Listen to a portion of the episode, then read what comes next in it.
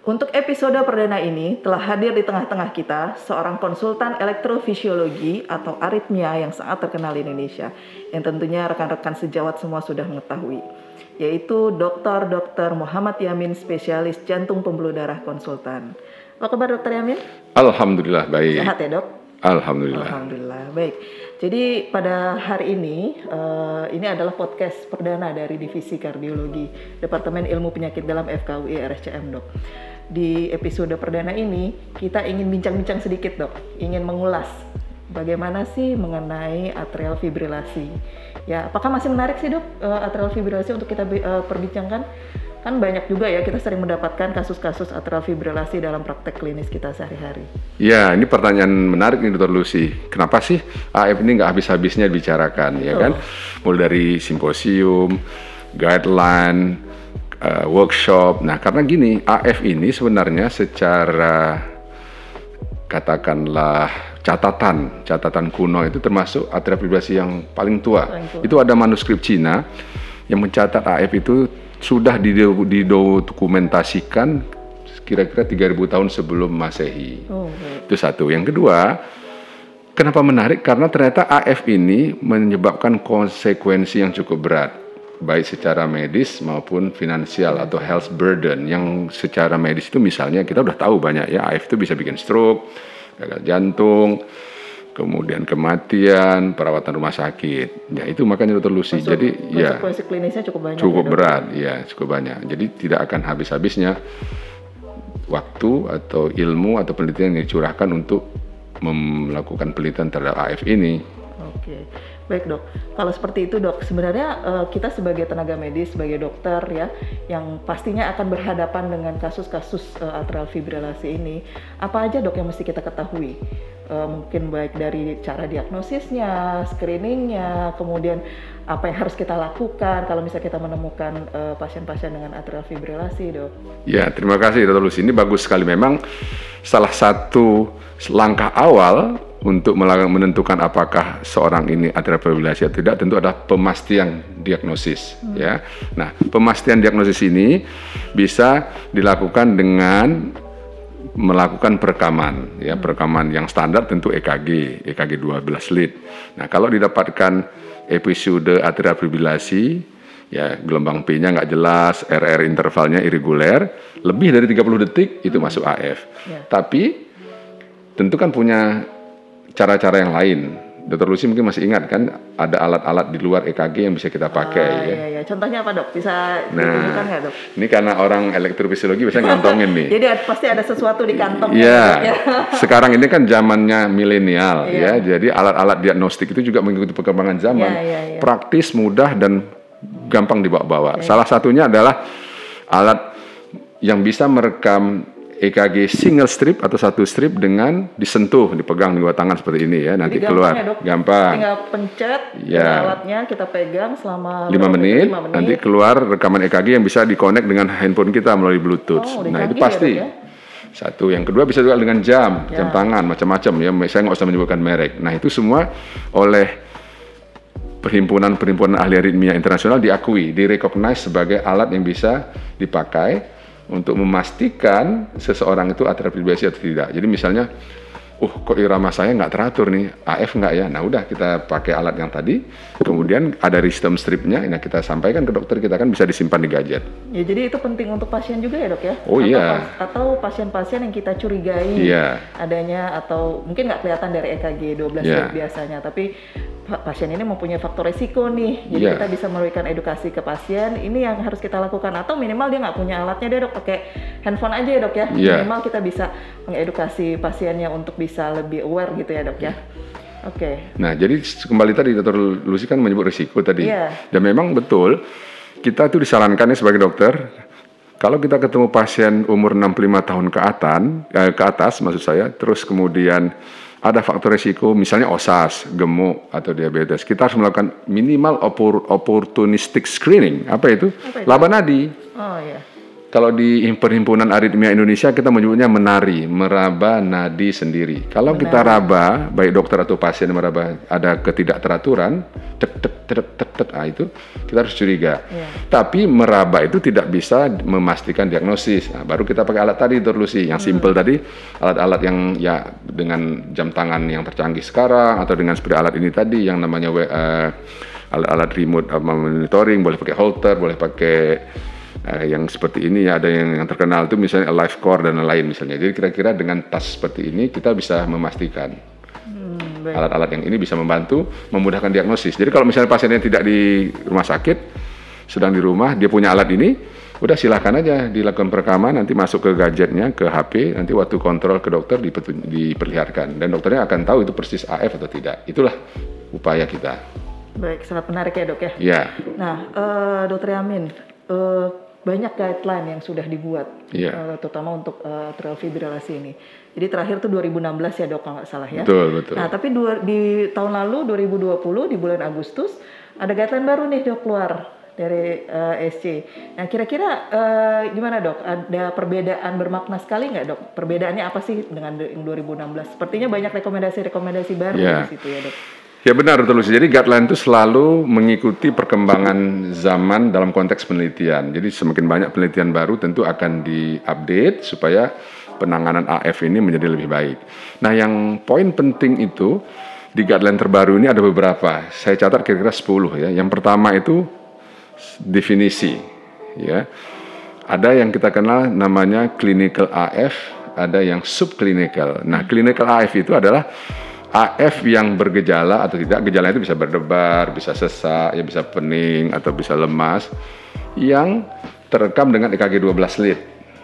Ya, yang tadi atau de- terekam dengan alat-alat perekaman yang canggih tadi, yang single lead ECG yang dipegang, yang disentuh atau dengan jam. Iya. Nah, itu namanya disebut clinical AF-nya. Yang subclinical adalah kadang-kadang pasiennya tidak bergejala, ya tidak merasakan apa-apa, tapi dia punya alat yang ditanam dalam tubuhnya, misalnya pacemaker, ICD, CRT, alat-alat pacu jantung. Nah, alat pacu jantung itu punya kemampuan merekam momen-momen bila terjadinya denyut nadi yang di ruang atas atau di bilik atas atau dari atrium yang cepat yang kita kenal dengan atrial high rate event misalnya atrial fibrilasi, atrial flutter, atrial tachycardia, bisa kita cek dengan alat programmernya. Nah, kalau itu ada tertangkap, walaupun walaupun pasiennya nggak bergejala, nggak merasa apa-apa, nah dia masuk dalam kriteria subclinical AF. Jadi pendekatannya nanti beberapa aspek akan sama dengan pasien yang secara klinis masuk dalam kriteria AF. Gitu, Dr. Lucy. Ada perbedaan yang lain dok, misalnya untuk di eh, guideline yang 2016 ada per definisi, mungkin ada hal-hal yang perlu kita ketahui udah nggak digunakan lagi nih dok. Oh iya, definisinya. betul. Karena itu penting sekali karena nanti untuk Iya, iya. eh, tata laksana selanjutnya gitu. Ya betul. Dulu itu memang definisi AF itu selain berdasarkan terjadinya dalam konteks waktu ya, Ya. ada yang namanya first detected AF, AFF yang pertama sekali ditemukan. Tidak peduli kapan terjadinya kita nggak tahu. Pokoknya dia pertama datang tahunya AF aja. Yang kedua AF paroxysmal, AF yang bisa berhenti dan normal kembali dalam waktu kurang dari tujuh hari. Kemudian AF persisten yang dari tujuh hari sampai setahun. Kemudian long standing persisten lebih dari satu, eh, dari satu tahun atau 12 bulan. Yang kemudian yang terakhir adalah AF permanen. Itu AF yang lebih dari setahun dan biasanya ya dokter sama pasiennya udah nggak mau lagi nih mengupayakan untuk mengembalikan ke irama sinus. Nah, yang paling penting tadi yang ditanyakan Dr. Lucy adalah soal pembagian loan AF. Dulu tuh ada loan AF. Loan AF itu adalah kalau AF kemudian sudah dicek macam-macam normal, jantungnya normal, nggak ada hipertensi, kita sebut loan AF. Itu tidak dipakai lagi. Nah, yang kedua adalah klasifikasi non valvular atau valvular juga sudah dihilangkan. Nah, jadi cuma memang nanti dalam konteks pemberian antikoagulan yang dulu disebut valvular yaitu MS moderate severe dan pasien dengan prostes, uh, prosthetic valve atau katup buatan itu disebut valvular dulu kan sekarang enggak cuma memang nanti dalam pemberian antikoagulan dia langsung di, dikategorikan sebagai yang wajib menerima vitamin K antagonis atau warfarin tidak boleh mendapatkan obat-obat antikoagulan yang baru atau NOAC itu terus sih Baik, baik. Ya. Nah, eh, selanjutnya dok untuk diagnosis, untuk diagnosis, penegakan diagnosis. Kalau nggak salah, kalau misalnya di eh, guideline ini ada pendekatan diagnosis dan stratifikasi yang cukup Iya. eh, apa ya, eh, sangat nyaman untuk kita gunakan atau untuk gampang diingat gitu ya dok. Jadi ada singkatannya gitu Iya. ya. Bisa Betul. dok. Jadi ada namanya 4S dan ABC. Nah, 4S itu sebenarnya begitu pasien terdiagnosa AF ya. Seperti yang saya katakan tadi kriterianya bisa macam-macam. Begitu dia terdiagnosa AF dengan cara-cara yang sudah kita sebutkan di depan, nah kita harus mengingat 4S.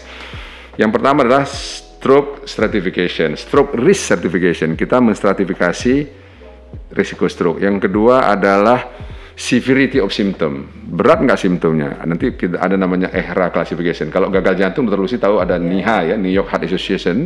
Kalau ini ada EHRA 1, 2A, 2B, 3A, 3B sama 4. Jadi kalau satu itu ya nggak ada nggak ada keluhan. Kalau yang 2A dia ada keluhan tapi kegiatan sehari-hari nggak ada masalah. Yang 2B terganggu sedikit.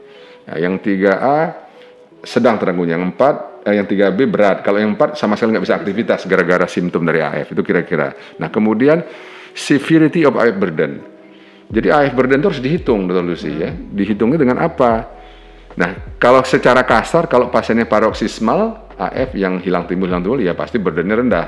Nah, tetapi kita juga harus hitung kalau pasien-pasien yang persisten atau low persisten. Nah, biasanya kita pakai perekaman yang lebih panjang seperti Holter dan lain-lainnya itu kita pakai Nah, kita bisa tahu burdennya, high burden, moderate burden, atau low burden nah, dengan kriteria tertentu. Nah, yang terakhir, substrat identification. Apa itu substrat? Substrat itu sebenarnya gini, faktor resiko yang memudahkan terjadinya AF. Jadi kita tahu kan atrium kita itu tempat terjadinya AF itu dipengaruhi banyak faktor, komorbid.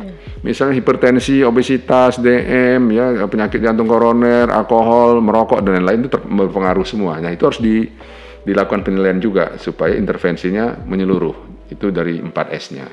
Baik, uh, Dokter Yamin. Nah, kalau untuk ABC seperti apa, Dok?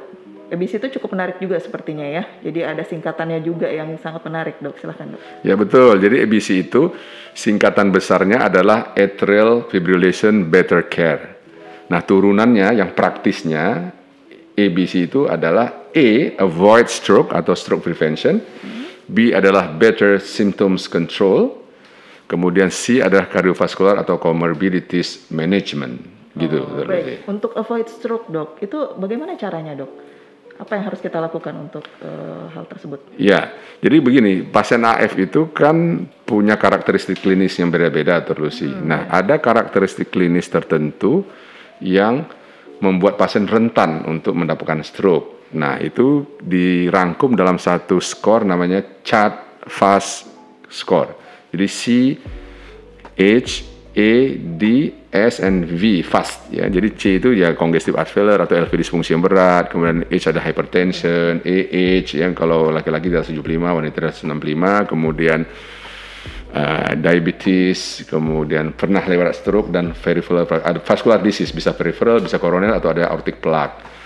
Nah, yang menarik pada guideline ini adalah di kita diminta untuk fokus mencari yang low risk. Hmm karena dengan mengetahui yang low risk, maka kita sudah menyingkirkan pasien itu untuk tidak mendapatkan terapi tertentu atau oral antikoagulan. Jadi baru kita fokus yang high risk. Hmm. Nah, itu yang kita sebut dengan cara kita yang praktis untuk menentukan apakah pasien ini high risk atau tidak. Nah, kalau laki-laki kan masing-masing dikasih skor satu tuh. Yeah. C1, E1, E1, D1, S saja yang dapat dua ya, yang vaskular juga satu. Kalau laki-laki itu kalau dua atau sama dengan dan lebih besar, itu wajib. Perempuan tiga atau lebih. Nah kalau satu antara dua laki-laki itu direkomendasikan tidak harus. Ya. Jadi should sama recommended itu beda kalau dalam bahasa guideline. Jadi antara wajib dan sunnah lah kira-kira kalau dalam bahasa sehari-hari. Nah, gitu terus. Ini maksudnya untuk pemberian antikoagulan ya dok ya? Antikoagulan ya. Jadi mencerah suruk itu dengan stratifikasi terus ada ikutannya. Iya, jadi konsekuensinya uh, adalah kapan kita memberikan antikoagulan. Iya. Bagaimana rekan sejawat? Ternyata sangat menarik ya atrial fibrilasi ini. Nah, untuk mengetahui lebih lanjut mengenai atrial fibrilasi maupun guideline atrial fibrilasi tahun 2020, nantikan kami di episode perdana part 2.